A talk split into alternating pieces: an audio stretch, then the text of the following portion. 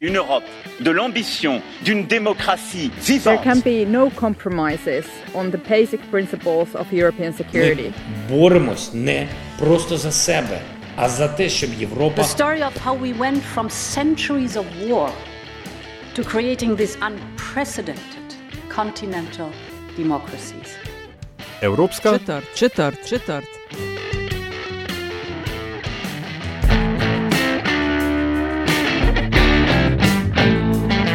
Spoštovane in cenjeni, dobrodošli v podkastu Evropska četrt, podcast o vsem, kar vas bo zanimalo o Evropski uniji, pa niste vedeli, koga vprašati. Evropsko četrt vodiva Nataša Briški in Aljaš Pengov Bitenc.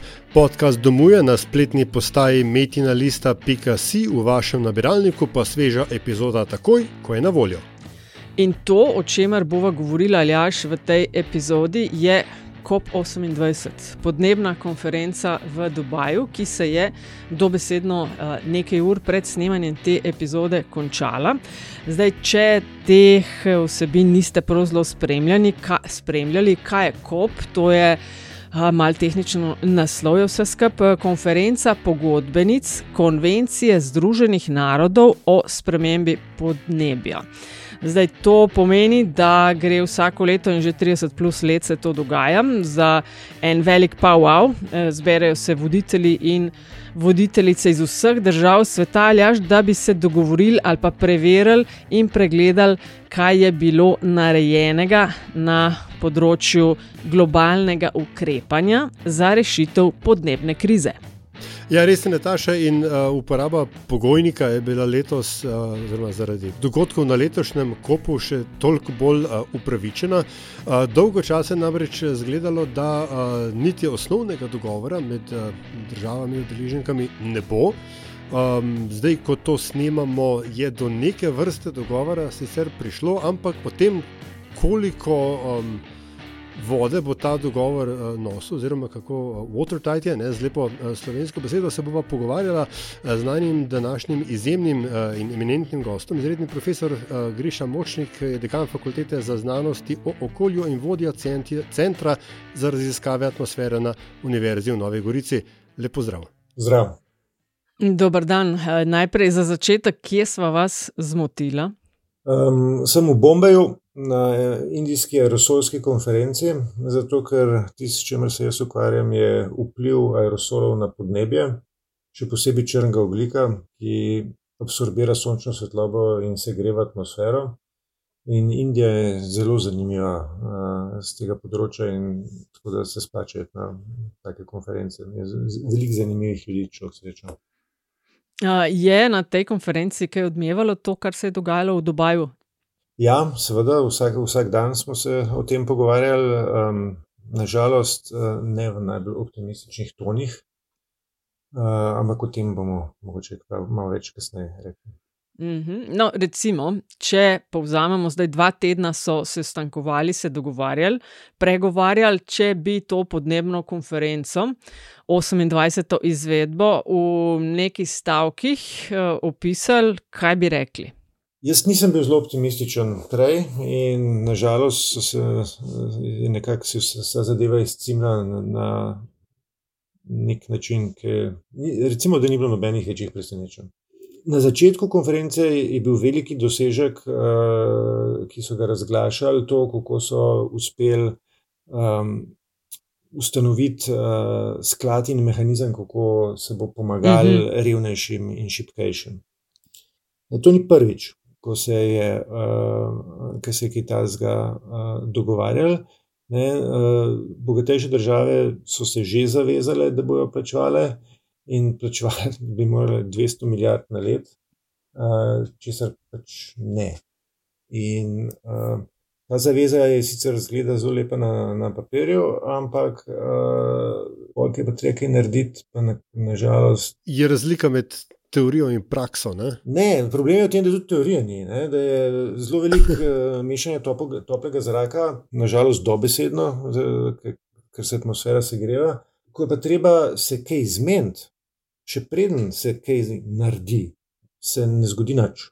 In ne, ta cela zadeva, ki se je v Dubaju dogajala, je bilo, je bilo nažalost ne, to, to, kar se je na koncu, uh, ta dokument, ki je na koncu uh, bil objavljen. Jaz sicer nisem videl čiste zadnje verzije, zdaj, ki bi morala biti že objavljena, ampak sem videl tisto jutri, jutranjo. To je dokument, ki je 21 strani dolg. Ne, uh, na, na vsaki strani je uh, 10 odstavkov na katerem piše, kaj, o, čem, o čemer se eh, člani, te članice sporozuma, eh, o čem se strinjajo, kaj se jim zdi pomembno. In pojjo, ki pogledaš, kaj piše, kje bojo kaj za res naredili, ne, sta dva odstavka od, bom, moram, moram pogledati, koliko je vseh skupaj. Vseh skupaj je uh, 196. Uh, in Pojem sem pa, ne, zato ker človek eh, pač dobi 21 strani gostega teksta, ki je napisan v jeziku, ki ga eh, navadni človek ne razume.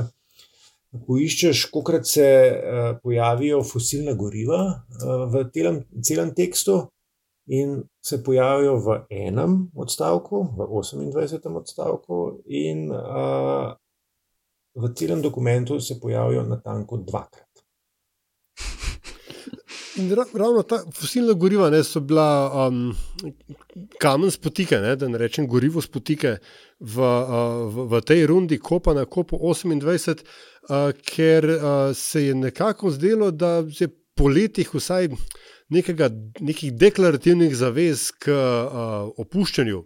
Fosilni goriv, da so zdaj, da je opuščanje fosilnih goriv, ne bi bilo več glavni mehanizem za um, zmanjševanje oziroma omejevanje podnebnih sprememb, ker ne par let nazaj smo že absolvirali, absolvirali to dejstvo, da preprečiti jih seveda vendar ne moremo več. Danes zjutraj je bil članek v Guardianu, kjer je a, pisal, ne, da je ta sporazum, ta, ta, ta dokument revolucionaren, zato ker so fosilna goriva omenjena. Kar je, kar je res, ne, do zdaj niso bila. Kar je, Kar pa nažalost ne pove nič o tem, kako je revolucionaren ta dokument, kot o, o tem, kakšna so bila pogajanja do zdaj. To je tako, kot če bi imel tam eno konferenco gasilcev, eh, kjer požar, beseda požar ne bi bila nikoli omenjena. Klej imamo pa ne, zdaj ta 28. odstavek, odstavek, kjer pač eh, članice konvencije um, spoznajo potrebo po uh, globokem, hitrem in obnovljivem zmanjšanju izpustov toplogrednih plinov, da, da pridemo da v skladu z stopinjo pa pol, ne, in poziva ne, uh, članice, da uh, prispevajo k globalnim uh, prizadevanjem na globalni in nacionalni ravni ne, zato da se potroji obnovljiva energija, da se pospeši uh, phase down, ne, skratka zmanjševanje ne uh, unabated uh, premoga, kar pomeni, uh, to je tako, da bi rekli, da bomo te 6 na 80 odstotkih uh, obratovali, ne na 100 odstotkih. Unabated pa pomeni, Da, če imaš pa tam neko magično tehnologijo, ki ujame CO2, pa, pa to ne velja. Uh, s tem, da to je tehnologija, ki, o kateri se zelo veliko govori, kakšnih tehnoloških uh, uh, rezultatov pa v resnici ni dala. In pol pa piše še ne, transitioning away from fossil fuels, skratka, da se bomo odmaknili od fosilnih goriv. To je ena, pa da bomo nehali uporabljati neučinkovite fosilna goriva. In da, da, da, da se ne bo več neučinkovito subvencioniralo fosilnih goriv. E, in v resnici, v celih teh 21 straneh je mogoče ta pododstavek o nehanju subvencioniranja fosilnih goriv najpomembnejši. Zato, ker to pomeni, da države ne bodo več mogle subvencionirati fosilnih goriv in projektov, ki povečujejo porabo fosilnih goriv. Ne, kar, in recimo Slovenija je v svojem podnebnem zakonu, ki je zdaj v, vem, vlada potrdila pred slabim tednom, je eksplicitno napisala, da ne bo subvencionirana fosilnih goriv. In uh, to je zelo pomembno, ne, zato ker uh, se bo s tem zmanjšala uh, po, uh, poraba. se bo zmanjšal nakup in se bo zato zmanjšale tudi emisije in se bo zmanjšal vpliv na podnebje. Tako da, um, medtem ko pa te blagi na sveti, da je treba manj fosilnih goriv uh, porabljati, pa moram reči, da mene ne pripričajo, zato ker so to na sveti in niso zavezujoči. Če, če, če hočemo nekaj spremeniti, treba zavezujoče ukrepe sprejeti. In to odlašanje, ki je pač letos bilo očitno ne, v Emiratih, in naslednje leto bo, bo, zgodba podobna, ker je, ne, bo zadeva organizirana spet v enem izmed večjih proizvajalcev fosilnih goriv v Azerbajdžanu. Um, bo pač zamaknili vse skupaj za toliko časa, da bo potem ukrepi, ki jih bo treba sprejeti, da preprečimo popolno katastrofo, toliko bolj drastični. Se pravi, vzpostavili so ta sklad za izgube in škode, namenjen financiranju posledic podnebnih sprememb najranljivejšim državam.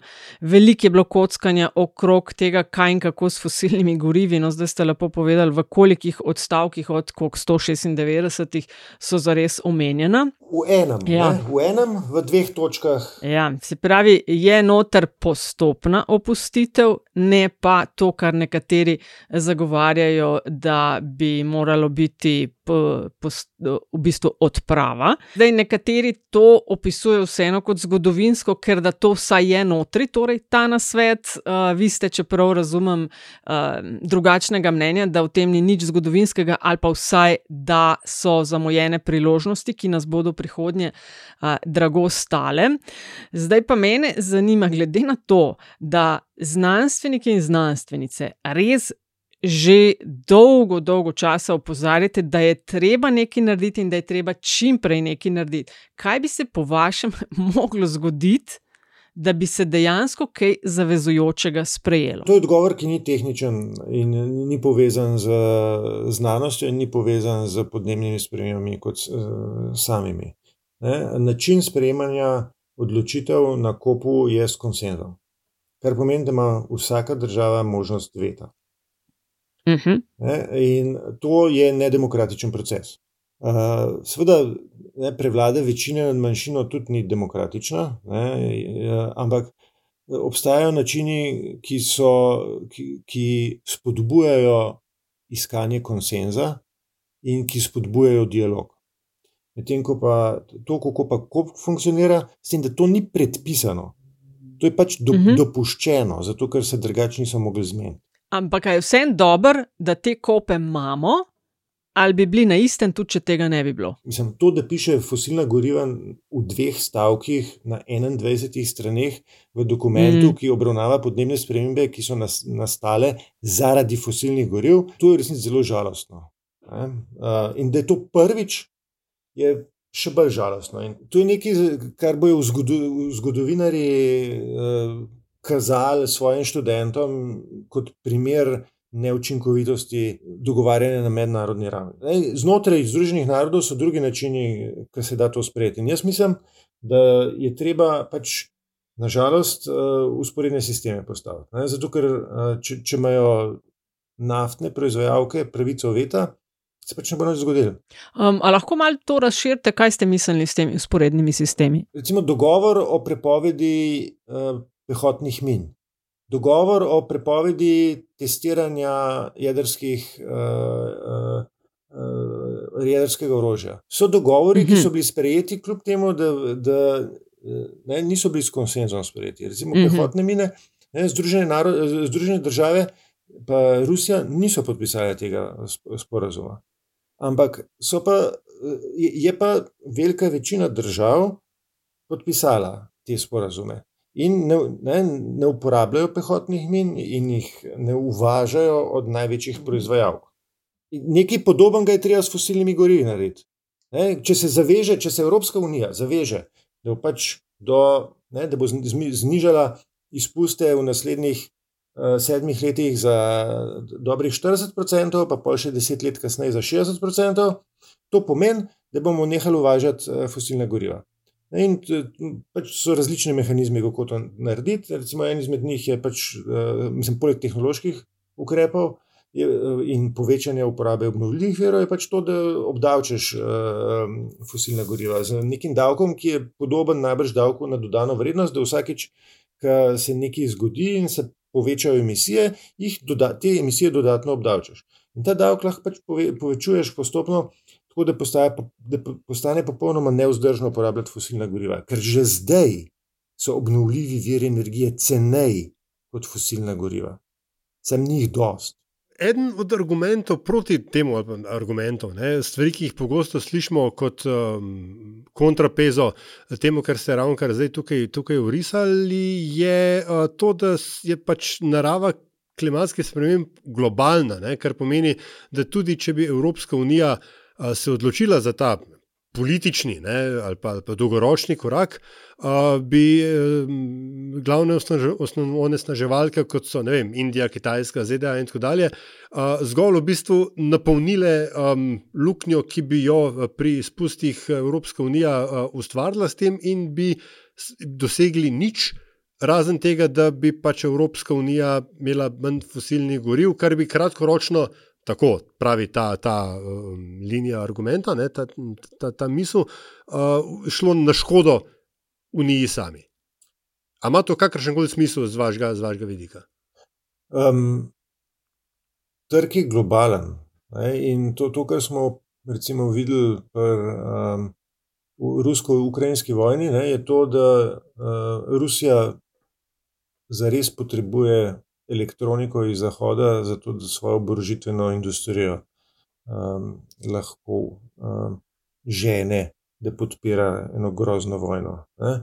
In uh, če ne, ne smemo, mislim, to je sicer neoliberalen argument, ne, ampak ne smemo podcenjevati moči um, nekoga, ki je v resnici monopolist na nekem področju. Ne, in če, mislim, bottom line je to.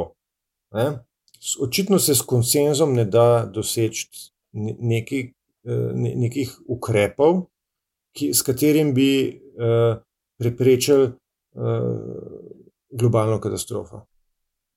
Kar pomeni, da je pač se mora nehati konsens imeti. Iskati, Sploh, Iskat, ko gre za skoraj ja. 200 držav. Ne? Ja, ne, tukaj je pač. So države, ki bodo izginile. V Pacifiku so države, katerih najvišja točka je manj kot 3 metre nad uh, vodno gladino. Teh držav ne bo več. Ne? Bangladeš bo dvakrat manjši. Uh, pol, mislim, slovenska obala bo dvakrat daljša, kar naenkrat. Koper bo spet otok. Uh, to, to so spremembe, ki se nam zdijo popolnoma abstraktne, ampak se lahko zgodijo v življenjski dobi otrok, ki so se že rodili. Ko enkrat začneš resno, resne spremembe uvajati, se bo to razširilo povsod. In tukaj, nažalost, ne, se lahko učimo pri eh, Združenih državah, se ni treba igrati uh, lepo. Ne. Lahko uporabiš metode, ki, nažalost, ki so nažalost v, svoji, um, v svojem jedru nedemokratične. Ampak uh, še zmeraj ne, je to boljš kot neke kot vojne, ki, ki, ki so pač že posledica podnebnih sprememb. In še zmeraj se da ta pogajanja v nekih okvirih, najboljš v okvirih Združenih narodov, izvajati, ne pa, ne pa nujno na način, kot ga izvaja KOP, zato ker ne, v času, odkar KOP obstaja, ne, od KOPA ena do, do zdaj, je bilo izpuščenega več oglikovega dioksida kot v celem času pred prvim kopom. In vse je verjetno boljše od teh mlačnih nedogovorov, ki niso eh, povrh še nezavezujoči. Zdaj, Združeni arabski emirati so bili letošnji gostitelji podnebnega vrha, hkrati so ob tem uh, že pred začetkom govorili, kako se nadejajo en kup eh, poslov na temo črpanja nafte in plina. Naslednji na vrsti je Azerbajdžan, sam toliko v informacijo za tiste, ki mogoče tega ne vedo, bila je na vrsti vzhodna Evropa uh, in ker mora biti odločitev o tem, kdo bo naslednji organizator oziroma oziroma kje bo, ker mora biti odločitev soglasna in ker je Rusija blokirala EU države, pa med sabo sta se še Armenija in Azerbajdžan uh, blokirala, dokler ni Armenija se umaknila in tudi umaknila blokado Azerbajdžana, se niti ni vedelo, kdo bo naslednji organizator, ampak ok, zdaj je Azerbajdžan, tako kot ste sami rekli, še eden konkreten producent fosilnih goriv. Kaj meni, kaj ne vem, napovedujete ali pa česa se nadejate v naslednjem letu, ko imamo junija tudi volitve v EU, kjer pa se obeta um, večina ali pa več glasov in sedežev za strani, ki imajo mogoče ne tako zelo trajnostni pogled na urejanje podnebnih vprašanj. Jaz nisem, jaz, nisem, jaz nisem nikoli optimist, včasih sem pa še bolj pesimističen. Ampak um, sporočilo, ki ga ljudje slišijo, je, prihajajo spremembe in uh, naše življenje se bo spremenilo. In tisto, kar jih skrbi, je, kako se bo spremenil in kdo bo to plačal. In če, če en procent najbogatejših globalno proizvede toliko izpustov kot 60% najrev, naj, najrevnejših, ne, je jasno, kdo mora plačati eh, prehod iz uh, trenutnega stanja v v podnebno neutralno, oziroma v resnici negativno, če hočemo izboljšati stanje. stanje. Ne, eh, plačati morajo tisti, ki si to lahko prvoščijo. In to velja globalno, to velja znotraj EU in to velja na, na, na nacionalnem nivoju. Zelo velika možnost za razvoj uh, novih delovnih mest, za razvoj novih zelenih tehnologij. Ne smemo pa računati na teh tehnologije, da nam bodo rešile vse probleme, rešiti moramo z eh, tehnologijami, ki že obstajajo. Jaz sem bil zelo na konferenci v Indiji, kjer so govorili, kako pač je pomemben, pomemben vir energije pač jedrska energija. S tem, da pač tako kot pri nas polet, ne, vse klimatske naprave delajo čez dan, eh, bi jih lahko napajali z, z sončnimi paneli. Ta, ta prehod ne pomeni to, da bomo še naprej povečevali eh, porabo energije, uh, ampak je treba začeti razmišljati, kako bomo porabo energije zmanjšali. Pa CO2 nastaja pri proizvodnji energije, kar pomeni, da če mi hočemo zmanjšati izpuste CO2, moramo zmanjšati porabo energije. Tega se pa ne da. V neoliberalni kapitalistični ureditvi se tega ne da. In prehod na vire energije, ki ne izpuščajo CO2, ne, je pač kompliciran, zato ker nekaterih tehnologij še ni, tehnologije, ki jih pa imamo, se pa prepočasi uvajajo. Ne, in današnji, današnji sporozum, ki je bil sprejet v Združenih arabskih emiratih, je še ena zavora eh, uvajanju že obstoječih tehnologij za zmanjšanje izpustov CO2. Ne, če tako karikiram, ne, onesnažen zrak in ozon smo rešili z ukrepi ki so povezani z dobrim odnosom do okolja. Medtem ko pa CO2, pa nismo, uh, nismo in ne bomo nikoli uh, rešili, če bomo tako nadaljevali, zaradi uh, uh, resnic pohlepa. No, in naj, naj pri tem uh, tudi ostane, v um, končni fazi, uh, zakaj bi prihodnost slikali v lepši barvi, kot, uh, gradijo, kot nam jo gradijo uh, tisti, ki. Uh, so za, za to zadolženi. Uh, doktor, profesor, uh, Griša Močnik, uh, najlepša hvala za vaš čas. Uh, in uh, morda vendarle v upanju, ne, da se bo v končni fazi izteklo bolje, kot se ta hip zdi, da se bo. Ja, um, jaz sem sicer pesimist, vendar upam na najboljše. Hvala. Hvala res za sodelovanje. To je bila Evropska četrt, 123. podcast Vesolju. Hvala za vašo pozornost, predlogi, mnenja. Zelo dobrodošli. Hvala tudi za pohvale in kritike, ki jih delite z nama. In res hvala za investicije, ki jih namenjate razvoju in produkciji naših vsebin. Avtor glasbene podlage je Pili iz podcasta Opravičujemo za, za vse neušečnosti. Če vam je vsebina všeč, bo pomagalo, da nas najde še kdo, če naj jo ocenite pri vašem izbranem podcast ponudniku. Sicer pa hvala za vašo družbo in se slišimo spet k malu.